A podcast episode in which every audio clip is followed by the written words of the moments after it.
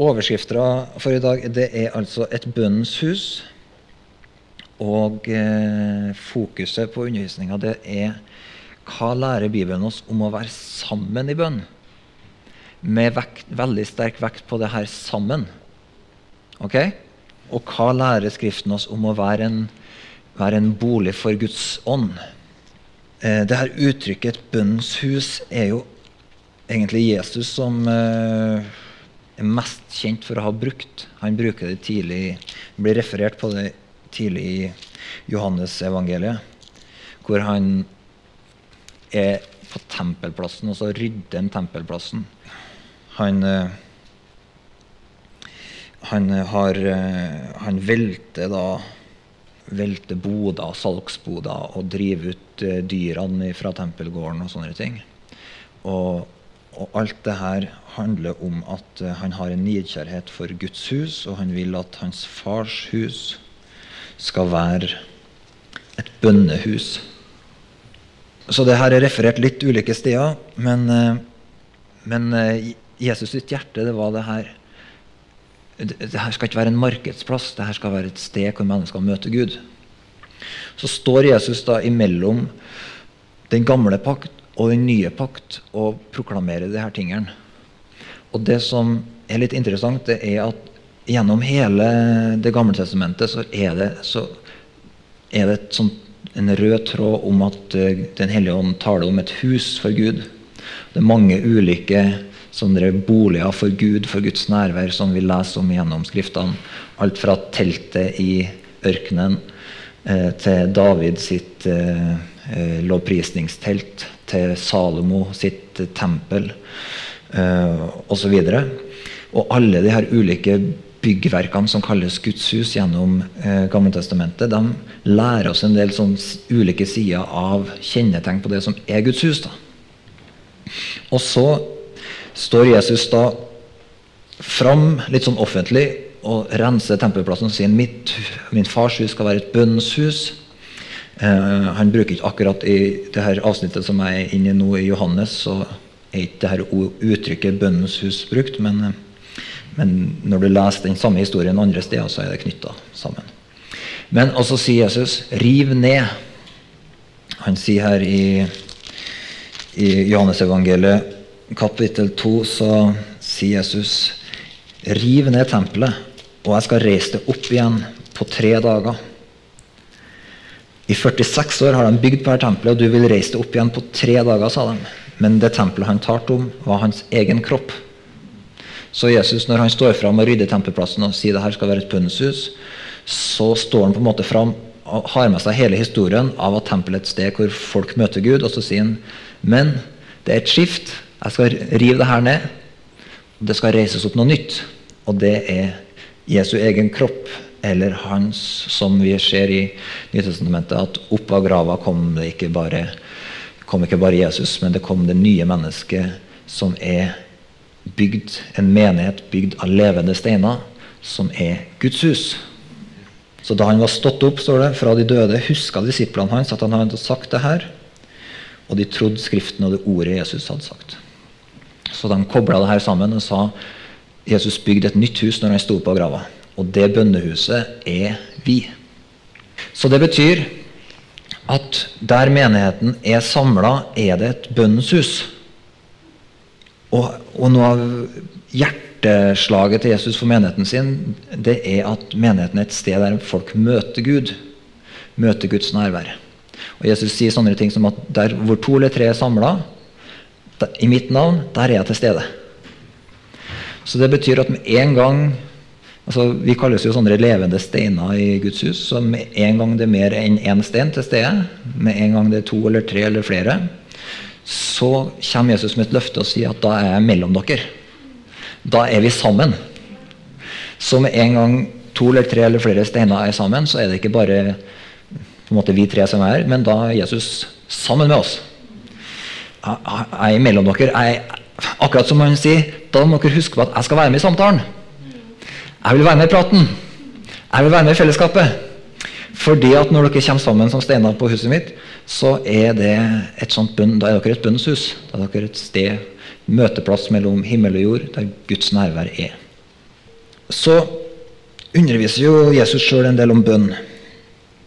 Jeg skal ikke bruke noe mye tid på det i dag. Men jeg vil bare nevne et par ting i den sammenheng. Fordi Jesus, han, han Du leser både at Jesus ber, og du kan lese referater fra Jesus sitt bønneliv. Og så leser du at Jesus underviser om bønn. Litt nyttig å, å, når du leser de bibelske tekstene, å vite hva som skjer hvor. Du kan lære mange ting av, om bønn av å bare lese hvordan Jesus ber. Eh, men men f.eks. Fader vår er en del av en undervisning om bønn. Fader vår er ikke en bønn, men det er Jesus sin undervisning om bønn. Og den er satt inn i sammenheng med eh, andre prinsipper om utholdende bønn, og, og om hvordan Gud eh, er glad for at vi er pågående, f.eks. Eh, så, så, når du leser Fader vår, det er en veldig god hva skal jeg si, bønneundervisning. Så kan du lese den sånn at Fader vår er en hjelp til å be rett. Den er en hjelp for å, å gi en struktur på bønnelivet ditt. Start, det første du må se, er at Fader vår er ikke min far, men det er vår far. Vår far. Så Det betyr at med en gang Jesus underviser om bønn, så kobler han inn at det er noe som skjer sammen. Og så, eh, Det skjer selvfølgelig alene òg, men uh, han, det virker som om han understreker denne bønna her er noe som det her bønnefokuset er noe som skjer sammen. Og så starter det med Gud. Vår Far, du som er i himmelen. Det sier noe om hvor starter vi når vi søker Gud og er sammen i bønn. Vi starter hos Gud starter med et fokus på hvem han er. Starter med fokus på at han er far. Vi vender blikket mot himmelen.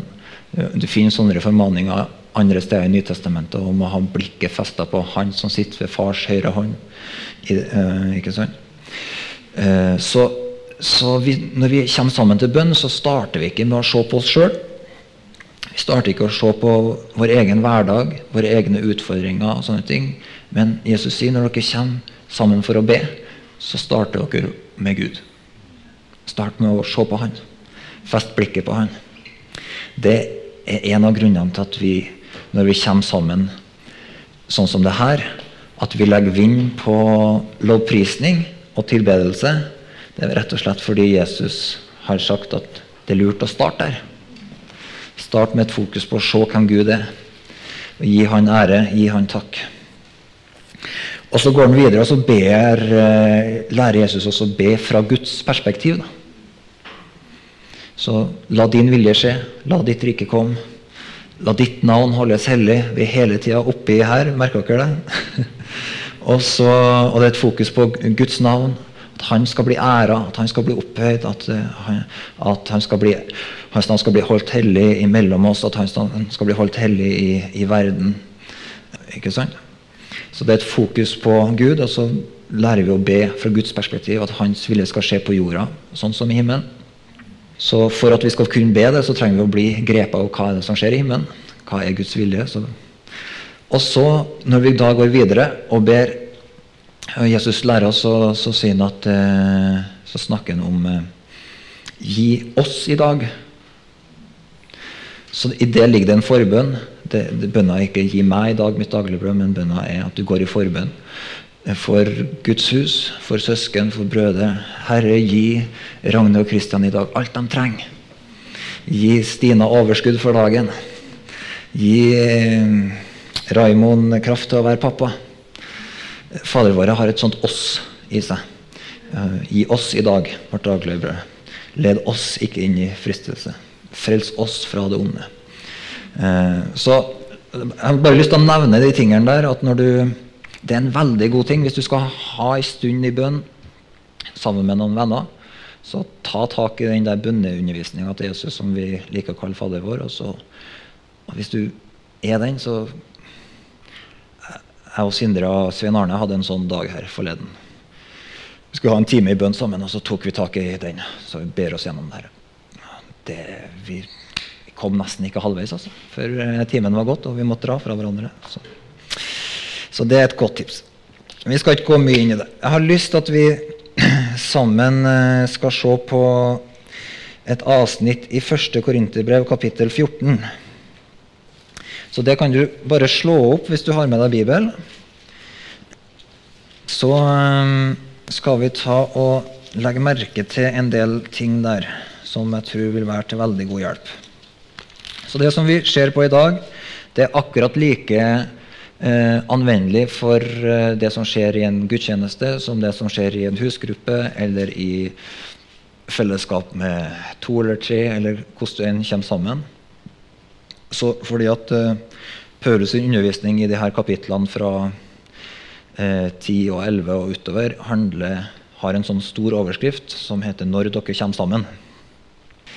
Det, og det er ikke han, ikke, han, knytter det ikke til noen spesielle ting, annet enn at det er når dere kommer sammen. Så er det bønn, det er profetisk tale, det er brødsbrytelse, det er tilbedelse, det er osv. Så, videre. så vi kan ta og lese eh, det. Jeg kunne egentlig tenkt meg å bare lese dette avsnittet fram til vers 31. Kapittel 14 i 1. Korinterbrev, fra vers 1 til 31. Jag etter kjærligheten. Søk åndsgavene med iver, særlig det å tale profetisk. For den som taler i tunger, taler ikke for mennesker, men for Gud. Ingen kan forstå ham, for han taler hemmeligheter ved Ånden. Men den som taler profetisk, taler for menneskene til oppbyggelse, formaning og trøst. Den som taler i tunger, oppbygger seg selv. Men den som taler profetisk, bygger opp menigheten.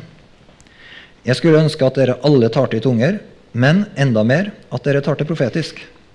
For den som taler profetisk, er større enn den som taler i tunger, hvis han da ikke tyder det han sier, så menigheten kan bli bygd opp. Sett nå, søsken, at jeg kommer til dere og tar dere i tunger. Hvilken nytte har dere av det, hvis jeg ikke samtidig gir dere åpenbaring, kunnskap, profeti eller lære?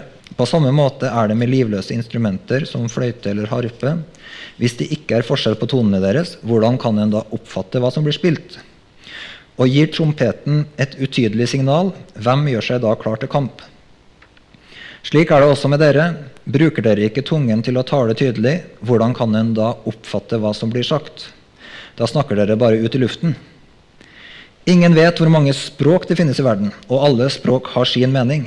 Men dersom jeg ikke kan språket, blir jeg en fremmed for den som snakker det, og han blir en fremmed for meg. Slik er det også med dere. Når dere nå legger så stor vekt på åndsgavene, så søk å bli rike på gaver som bygger opp menigheten. Derfor må den som taler i tunger, også be om å kunne tyde det. For hvis jeg ber og taler i tunger, er det ånden min som ber, men forstanden har ingen nytte av det. Hva skal jeg så gjøre? Jo, jeg skal be med ånden, men også med forstanden. Jeg skal låsynge med ånden, men også med forstanden. Hvis du holder takkebønn i din ånd, hvordan kan da den som ikke er fortrolig med dette, si amen til din bønn? Han skjønner jo ikke hva du sier.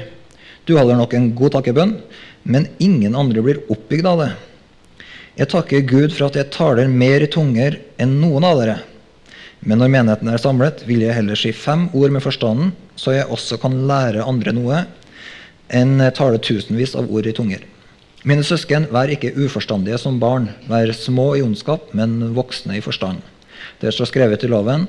På andre språk og med fremmede tungemål skal jeg tale til dette folket, men enda vil de ikke høre på meg, sier Herren. Derfor er tungetalen et tegn, ikke for de troende, men for dem som ikke tror. Og den profetiske tale eh, er ikke for dem som ikke tror, men for de troende. Om nå hele menigheten kommer og er samlet, og alle taler i tunger, og utenforstående eller ikke-troende kommer inn, vil de ikke da si at dere er gått fra forstanden? Men hvis alle taler profetisk når en av disse kommer inn, da vil han kjenne seg avslørt og dømt av alle. Hans innerste tanker kommer for dagen. Han vil kaste seg ned med ansiktet mot jorden, tilbe Gud og bekjenne Gud er sannelig blant dere. Hva mener jeg da, søsken? Jo, når dere kommer sammen, har én en salme, en annen et ord til lærdom, én har en åpenbaring, én har tungetale, en annen har tydning, men la alt kjenne til å bygge opp. Taler noen i tunger, skal det ikke være mer enn to, eller i høyden tre hver gang. De skal tale én om gangen, og det skal være én som tyder. Hvis det ikke er noen til å tyde, skal den som taler i tunger, tie når menigheten er samlet. La han tale for seg selv og for Gud. La to eller tre tale profetisk, og la de andre prøve det de sier. Men hvis en annen får en åpenbaring mens han sitter der, skal den første tie. For dere kan alle tale profetisk, men én om gangen, slik at alle kan lære, og alle blir oppmuntret. Ja. Enhver profet har herredømme over sin profetånd. Så her er det, det er jo et uh, langt og rikt avsnitt, kan du si. Men jeg har lyst til å trekke ut noen prinsipper av det her. For uh, når du leser gjennom Nytestamentet, så er det her det mest sentrale avsnittet som går på hvordan er det kristne ber og søker Gud sammen. Så her finner du den tydeligste og hva skal jeg si, rikeste undervisninga om felles bønn i Bibelen. Og felles, altså det å komme sammen i Guds nærvær. Så det første vi trenger å legge merke til her, det er at eh, oppbyggelse det er et sånt eh, nøkkelord. Oppbyggelse det blir brukt, kommer igjen Jeg tror det kommer igjen en, en to, tre fire, fem, fem-seks ganger i denne teksten. Så Paulus han sier La alt tjene til å bygge opp. Det er et hovedfokus. Så når vi på Når vi kommer sammen, så er det et fokus ikke bare på, på Gud, men det er et fokus på å bygge opp. Så vi kommer sammen og er bevisst på at det er ikke bare liksom meg og Jesus, men det er meg og oss alle. Og en av hensiktene til at vi, grunnene til at vi er sammen, det er at du skal bli oppbygd. Så han sier f.eks. at eh, det kan hende at i vers 17 så sier han du må be sånn at folk forstår, sånn at folk forstår. Sånn at de som hører takkebønna di, blir bygd opp. Er ikke det interessant? Så han sier når du når du ber, så liksom ber for at folk skal høre på, for at de andre skal høre deg, så er det lurt å snakke et språk som folk forstår. Og tungetalen er ikke et sånt språk hvis det ikke er noen som tyder det. Fokuset hans er på oppbyggelse. Han, han, har ikke en sånn, eh, Hvis du merker hjertet til Paulus her, så er det oppbyggelse, oppbyggelse, oppbyggelse som er fokuset. Han, Dette er ikke et sånt forbudsavsnitt. Det, det, er litt sånn som eh, når mora mi ser Melodi Grand Prix. Så er hun veldig glad i Hellas og Israel sine sanger. Fordi de har så fint språk, sier hun. Okay? Hun skjønner ingenting av hva de synger om, men hun blir så velsigna for det er så fint. Så Du trenger ikke å bli stressa hvis, liksom, hvis, noen rundt deg ber litt høyt i tunga. eller noen sånne ting. Du må tenke ja, det her var vakkert. Det var fint. Du skjønner jo ingenting av det. Du blir ikke bygd opp. Så kan du si at ja, nå har du kanskje snakka høyt nok i tunga lenge nok. Har du noe oppbyggende å si? Eller du kan tenke det for din egen del. Men, men hvis vi går gjennom det her oppbyggelsestingene, så sier han i vers 3-4 så sier han at tungetalen er for å bygge opp seg selv. Så det betyr at Gud har gitt en veldig dyrebar gave til alle som tror, og det er en, ga åndens gave som gjør at du kan bygge opp deg sjøl. Som gjør at du uansett om du har en eh, dag der du kjenner i dag kan jeg be, eller i dag kan jeg ikke be, eh, på den måten at du syns det er tungt eller lett å be, så kan du alltid bruke tungetalen til å bygge opp deg sjøl. Og det her er en stor velsignelse. Og Paulus han sier det sånn at 'jeg takker Gud, for jeg ber mer i tunga enn noen av dere. Så Han er veldig fornøyd med at han eh, er liksom eh, Han leder da, i det. Der ligger han helt i frontlinja, kan du si. Så, men det forteller meg at eh, det er akkurat som han vil liksom ha dem til å komme igjen. Forstå det her er lurt å bruke. Hvis, jeg, hvis, det er så viktig for meg, så er det viktig for dere òg. Bruk tungetalen fordi det handler ikke bare for din egen skyld, men det, du blir oppbygd for at du kan bygge andre opp. Så det betyr når som helst så kan du bruke tungetalen til å bygge deg sjøl opp med et språk du ikke forstår. Så Han er innom det her litt senere i å be i ånden og be med forstanden. Skal vi, ta, vi, skal se litt på det. Men, eh, men, det er tydelig at det her er viktig. Det er en nøkkel for, å, for oppbyggelse. Det starter med vår egen oppbyggelse. Og det, så det er en, et sterkt tips fra både Paulus og jeg kan gi det samme anbefalinga. Be når du er for deg sjøl, eller når du er sammen med andre òg. Eh, så lenge du ikke forstyrrer på en måte det, her, det som skjer sammen, vær frimodig og bruk tungetalen. Det er en veldig god hjelp. Og så sier han, Men profetisk tale det er for å bygge opp menigheten. Her i vers 4. Så han sier at når vi kommer sammen, så er den profetiske talen den er på en måte, kommer enda mer til sin rett, for den bygger opp menigheten. Og så sier han i vers 5 oppfordrer han til å tyde tungetalen som menigheten blir bygd opp. I vers 12 så sier han 'søk de åndelige gavene som tjener til å bygge opp'.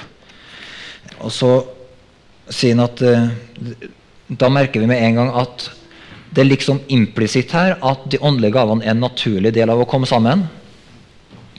Så når vi kommer sammen, så kan vi forvente at Den hellige ånd er her og ønsker å virke med sine gaver.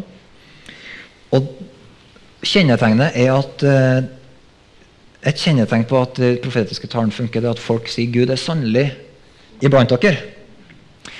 Så da er det tilbake til at Guds hus er et sted hvor Guds nærvær er, og folk kan komme og si at her er sannelig Gud. Så oppbyggelse er et hovedfokus. Eh, faktisk, jeg skal komme tilbake til, men oppbyggelse, Det å ha et fokus på oppbyggelse er en nøkkel for hver enkelt av oss til å fungere i de åndelige gavene. Fordi Ånden han ønsker hele tida å oppmuntre, formane, trøste. Så når du er opptatt av å oppmuntre og formane og trøste, så du, snakker du på en måte samme språket som Den hellige ånd. Da er du på samme frekvens. på en måte. Så oppbyggelse er et nøkkelord. og Det er et nøkkelord både for å be sammen. Det handler ikke bare om å eh, be med ord som folk forstår, altså be på norsk. Men det kan av og til F.eks. hvis du ber i et rom sammen med barn, så er det oppbyggende å bruke språk som barna forstår. Eller hvis du ber i et rom sammen med folk som ikke har vært kristne lenge, eller i en sånn, kan du tenke på det at du bruker ord som alle som er til stede, forstår. Så det handler ikke bare om å, å bruke norsk kontra tungetale, men det handler om å bruke ord som folk forstår, så alle kan bli oppbygd. Er det noen her som har blitt oppbygd av å høre noen be noen gang, eller?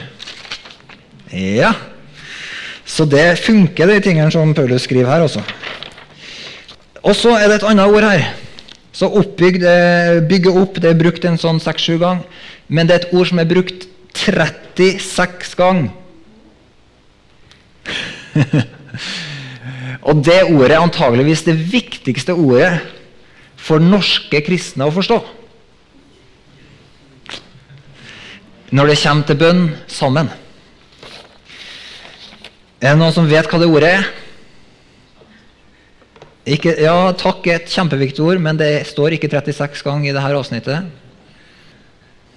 Jeg ble overraska når jeg telte opp, for jeg tenkte her er jo en gjennomgangsstående, men Ja! Riktig! Tale og tale. Tal, tal, tal, tal, tal. Så han sier når dere kommer sammen, så snakk. Når dere kommer sammen, åpne munnen. Nå skal jeg fortelle en morsom historie. Jeg har en god venn som en gang var på en stille retreat. Det skulle være en hel uke der alle skulle fokusere på Gud. Så var de sammen på en sånn fjellgård, og alle, det var ikke lov til å snakke sammen.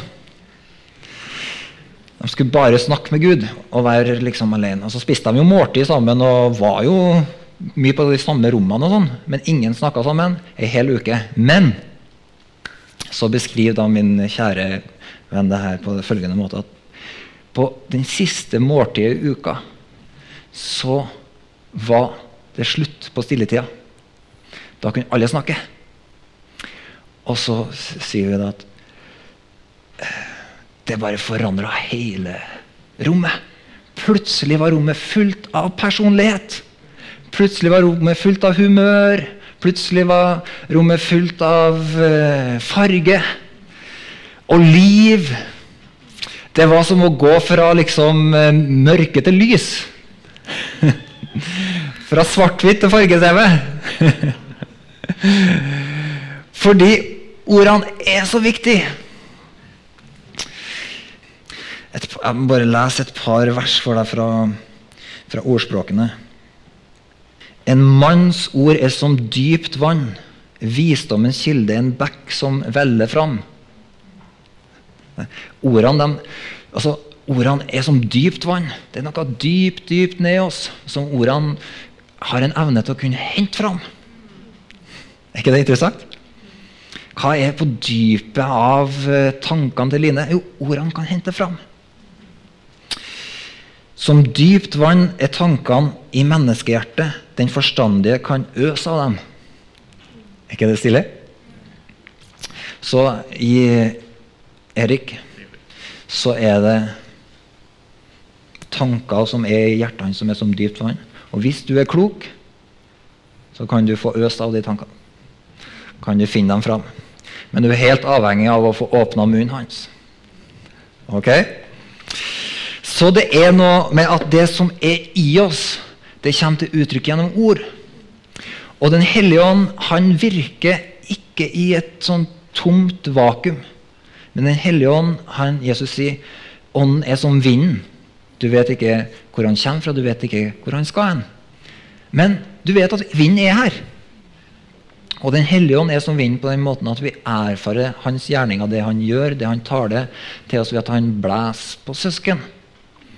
Skal du få tak i Den hellige ånds liv, så er et veldig godt sted å starte det er i hjertet til en søster og en bror som er fylt av Guds ånd. For der kommer åndens liv til uttrykk. Så når vi kommer sammen, så er det 36 formaninger om å tale. Bare husk på det. Hvis det, hvis det er én ting du skal huske på, så er det ikke vær stille. Noen er det her kjempelett for. Det er bare liksom å putte på en femmer, så holder de det gående hele kvelden. Og for noen andre så føler du nesten at det her, nå tråkker du meg på tærne. Det her du sier nå, Håvard, det er skikkelig uffent. Jeg vil helst bare be helt stilt. Ja, men det kan hende at Gud vil uh, utfordre deg i dag. Fordi at det er en oppbyggelse som kommer når du tar det. Det er noe som folk rundt deg blir velsigna når du åpner munnen. Og faktisk så sier Bibelen at troen kommer av forkynnelsen. Så det betyr at til og med når du er alene, så gjør det lurt i å åpne munnen og være en som ber, så du sjøl kan bli oppbygd. Og lese Guds ord kan du òg gjøre høyt, så du sjøl blir oppbygd. Og så kan du ikke minst si oppmuntrende ting til deg sjøl. Det er en veldig god ting. Det er det å bli oppbygd av. Så hvis du ikke har prøvd det, så er det jo et triks. Men, men eh, ord er altså viktig. Og de åndelige gavene òg, når du leser om dem, så ser du at eh, de aller fleste av dem involverer ord. Så hvis du skal fungere i åndens gaver, eller åndens gaver skal få rom i livet ditt, så må du åpne munnen når menigheten er sammen. Så når menigheten er sammen, så innstill deg på det at du åpner munnen din. Så la meg bare ta, Jeg har lyst til å gi tre steg i å fungere i de åndelige gavene. Det skal vi ta veldig kjapt her nå. Fordi det er en viktig del av det å være sammen i bønn. Så det første er ta imot dåpen i ånden og bruk tungetalen til å bygge deg sjøl opp. Det andre er ha et fokus på å bygge opp de rundt deg. Hvis du leser kapittel 12, 13 og 14 i Korinterbrevet, så er det et fokus i kapittel 12 på at vi er lemma på en kropp. Kapittel 13 på at Guds kjærlighet er motoren i menighetslivet og kapittel 14 på de åndelige gavene. Og da er det sånn at um, du kan si at kapittel 13 er kapitlet om hvordan Hva som er drivkraften for det her livet som en lem på Jesu kropp, og hva som er drivkraften bak å fungere i de åndelige gavene. Det er kjærlighet. Kjærlighet er motoren som gjør at du faktisk tar opp korset ditt og åpner munnen og deler hjertet ditt.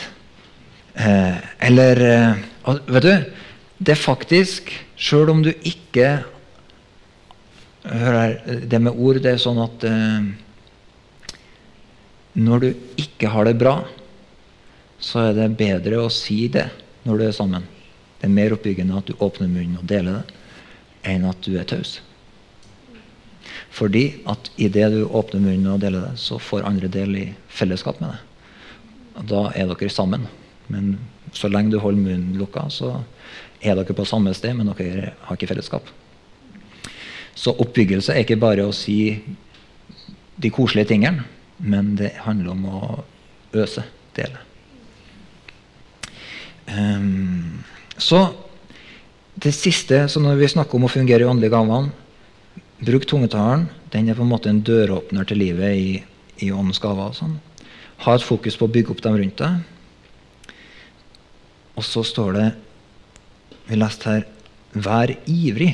Søk åndsgavene. Jag etter kjærligheten. Søk åndsgavene med iver. Særlig å tale profetisk. Så det å være ivrig, det å ha lyst, det å vil fungere i de åndelige gavene, det er på en måte en forutsetning for å gjøre det.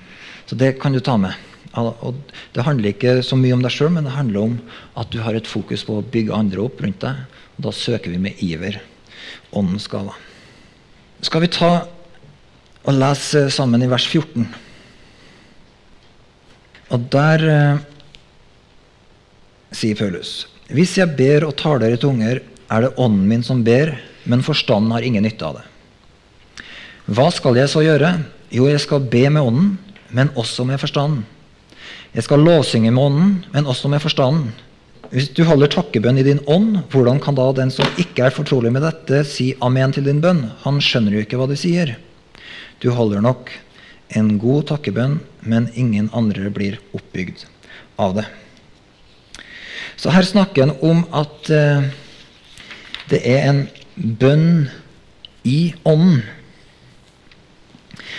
Og det, Vi skal bare stoppe med det først. Det er åpenbart her at Når han snakker om å be i ånden, så snakker han om å bruke tungetalen. For Han sier han vil be i tunga, og så snakker han om å be i ånden. Og han veksler de ordene. Men det kan virke som om bønn i ånden å omfatte mer enn bare tungetalen. Eh, jeg får inntrykk av det når jeg leser det. Men i Hebreerbrevet kapittel 7 så er det et interessant vers om Jesus og hva han gjør, som jeg tror er litt eh, viktig for oss i forhold til vårt bønneliv. Her står det i kapittel 7 og vers 24 så står det Jesus har et prestedømme som ikke tar slutt fordi han er og blir til evig tid. Derfor kan han helt og fullt frelse dem som kommer til Gud ved han, fordi han alltid lever og går i forbønn for dem. Så Jesus lever, og han går i forbønn for alle som kommer til han. Så Jesus akkurat nå er på tronen i forbønn for sitt folk. Er ikke det stilig? Du har en skikkelig god forbeder med adgang foran fars trone. Og så kan du lese i Romerbrevet om en annen forbeder. I Romerbrevet kapittel 8. Og Der står det i vers 26 eh, så står det på samme måte kommer også Ånden oss til hjelp i vår svakhet. For vi vet ikke hva vi skal be om for å be rett. Men Ånden selv går i forbønn for oss, med sukk uten ord. Og Han som gransker hjertene, vet hva Ånden vil, for Ånden ber for de hellige etter Guds vilje. Er ikke det stilig? Så Jesus sitter og ber i himmelen ved Guds høyre hånd. Og så har han sendt Den hellige ånd til jorda, og han er også et bønnearbeid. Og han ber for oss. Og måten Den hellige ånd ber på, det er at han ber gjennom oss. Så vi tar del i Den hellige ånds forbønn på jorda Både for oss sjøl og for uh, Guds folk. Så Det står her at uh, Ånden går i forbønn for oss med sukk uten ord. Så når du ikke vet hva du skal be om, så kan du bruke bønn i ånden. Du kan be i tunga og stole på at Den hellige ånd går i forbønn for deg på områder som du sjøl helt ikke vet. Og at Den hellige ånd går i forbønn for Guds familie. Så det betyr at Den hellige ånd har et vedvarende bønnearbeid som foregår. Og når vi kommer sammen, så kobler vi oss på det bønnearbeidet. Og Den hellige ånds bønnearbeid er en forlengelse av det Jesus holder på med foran tronen. For Jesus går i forbønn, og han sendte ut sin ånd. Så det her, når vi kommer sammen, så kommer vi sammen ikke, det, det, starter liksom ikke når vi møtes. ok? Det er ikke sånn at det her bønnearbeidet som vi tar del i, begynner i det vi liksom kjenner sammen. Nei, det er et pågående bønnearbeid. Der Jesus ber foran tronen, og Den hellige ånd ber gjennom Jesu kropp over hele jorda. Et sånt gjensvar fra jorda til himmelen. Og denne dynamikken her, det bønnearbeidet der, er det når vi kommer sammen, så kobler vi på. Så det betyr at vi kan alltid ha en forventning om at når vi kommer sammen, så er det en agenda for den samlinga ikke som skal skje, men som allerede pågår. Du kommer inn i noe som allerede foregår. Så jeg har lyst til å bare si akkurat litt rundt det. Fordi det betyr at når Den hellige ånd går i forbønn for oss, med sukk som ikke kan uttrykkes med ord, så betyr det at hvis Kristian går i forbønn, og han ber i ånden Og så begynner han å be med forstanden, fordi at når han ber i ånden, så er det noen ting som han begynner å lengte etter å se hos Gud. Så han begynner å si Reba santono, reba tolko, mantono. Takke Gud. Og så, mens han gjør det, så begynner han å tenke Gud, du er så stor. Takk for din storhet. Takk for at du, Jesus, sitter på tronen. Og så ber han med i ånden, så ber han med forstand. Og begge deler er født av Guds ånd. Som betyr at når jeg kommer sammen, så lytter jeg ikke bare, så, ikke, så kommer jeg ikke sammen og bare tenker nå skal jeg fortelle Jesus alt som ligger på hjertet mitt, og gå. Men jeg kommer sammen for å få tak i hva Den hellige ånd gjør. Så jeg lytter, så, så begynner jeg å lytte, og så hører jeg Nei, Kristian han holder på å takke, uh, takke far for, for, tronen og alt som skjer der. Og, så, og mens han ber, og han takker Gud for det, så vekkes det noe i mitt hjerte som jeg sier Jesus, takk for at, uh, at uh, vi får komme fram for nådens trone. At det er en plass for oss foran nådens trone. Så merker jeg, Oi, nå er jeg en del av det her takkebønna som stiger, som Den hellige ånd holder på og er midt inni. Vi kobler på i forbønna som Den hellige ånd gjør. Og, og, vi merker det er akkurat som vet i Tidligere i Korinterbrevet så står det at ingen kjenner dybdene i Gud uten Guds egen ånd. Ingen kan utforske Gud uten ånd, men ånden gjør det. Han kjenner alle ting, også dybdene i Gud. Så det er noen sånne ting at, du, du, at i bønn, i ånden, så hentes det ting fram fra Guds hjerte for oss. Så vi får ta del i Guds sitt fokus. Så det å være sammen og be, det handler om, og veldig mye om å lytte. Fordi at jeg lytter til Gud gjennom forbønner som skjer i rommet. Det er sånn av og til når du sitter og spiser på rundt en middag, så, så går samtalen.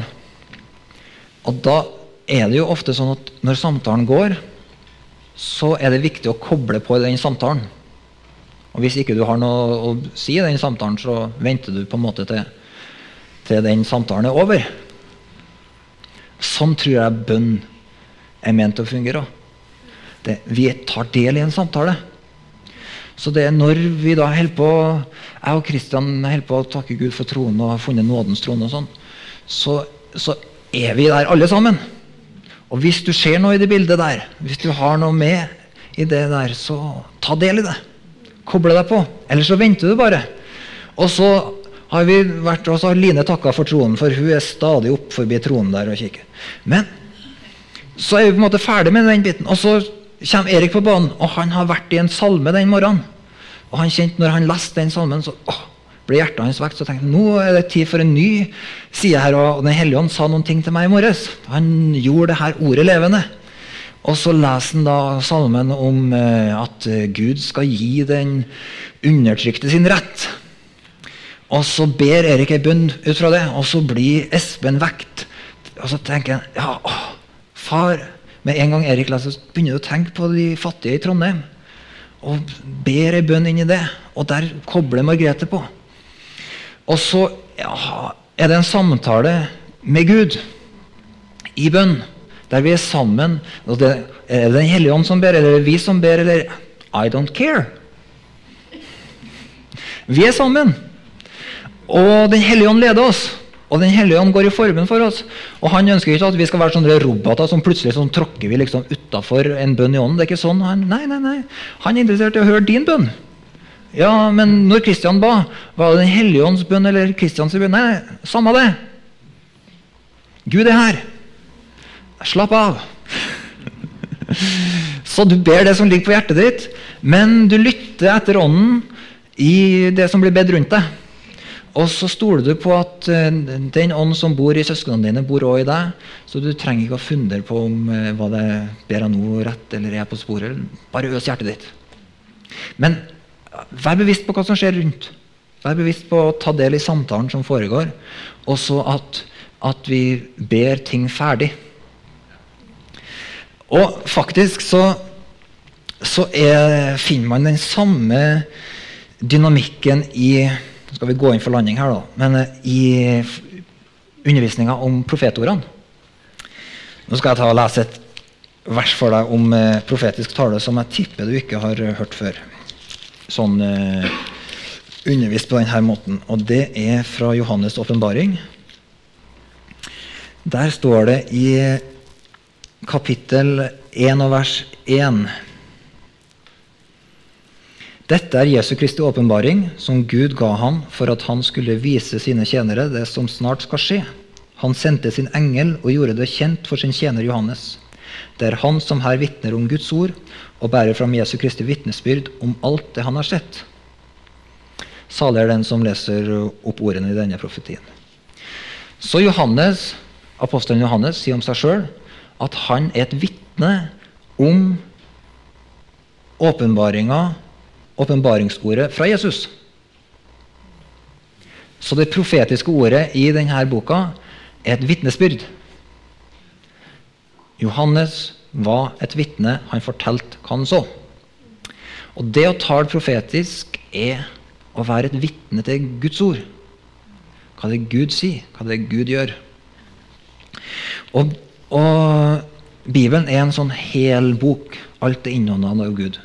Du finner I Guds lov så finner du at når vitner arbeider i en rettssak, så er det sånn at når to eller tre vitner har talt, så står en sak fast. Paulus han bruker det samme prinsippet her i Korinterbrevet. Han sier det at eh, to eller tre taler profetisk, og de andre prøver det. Når dere taler i tunga, så er det to eller høyden tre, og så skal det være noen som tyder. Han sier det her eh, Taler noen i tunger, skal det ikke være mer enn to eller i høyden tre hver gang. De skal tale én om gangen, og det skal være en som tyder. La to eller tre tale profetisk, og la de andre prøve det de sier. Så han bruker det her prinsippet om at to eller tre gjør en sak fast. Så det betyr at på samme måte som vi ber og lytter rundt oss, sånn er det med profetord òg. Når det kommer et profetisk ord og så Litt senere så leste vi at han sier at profeter har herredømme over profetåndene. Så det betyr hvis du bærer på et profetord eller et syn eller et bilde, så er det ikke sånn at du må springe og bringe det med en gang. Men du kan eh, Det er ikke sånn at profetordet tar over deg. Du har styringa. Så det betyr du må vente til det profetordet passer inn i samtalen. Gud har noe han ønsker å si inn i denne samtalen. Profetordet kommer inn på et sted. Så jeg har, jeg har, alltid en forventning når det kommer et profetord, så vil jeg ha en forventning om at det kommer et til, og gjerne enda et i den samme røde tråden.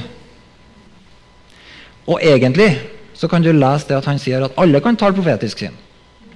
Så egentlig når noen begynner å profetere, så på sett vis så kan vi alle tale profetisk inn i det samme ordet. Men det er nok, da.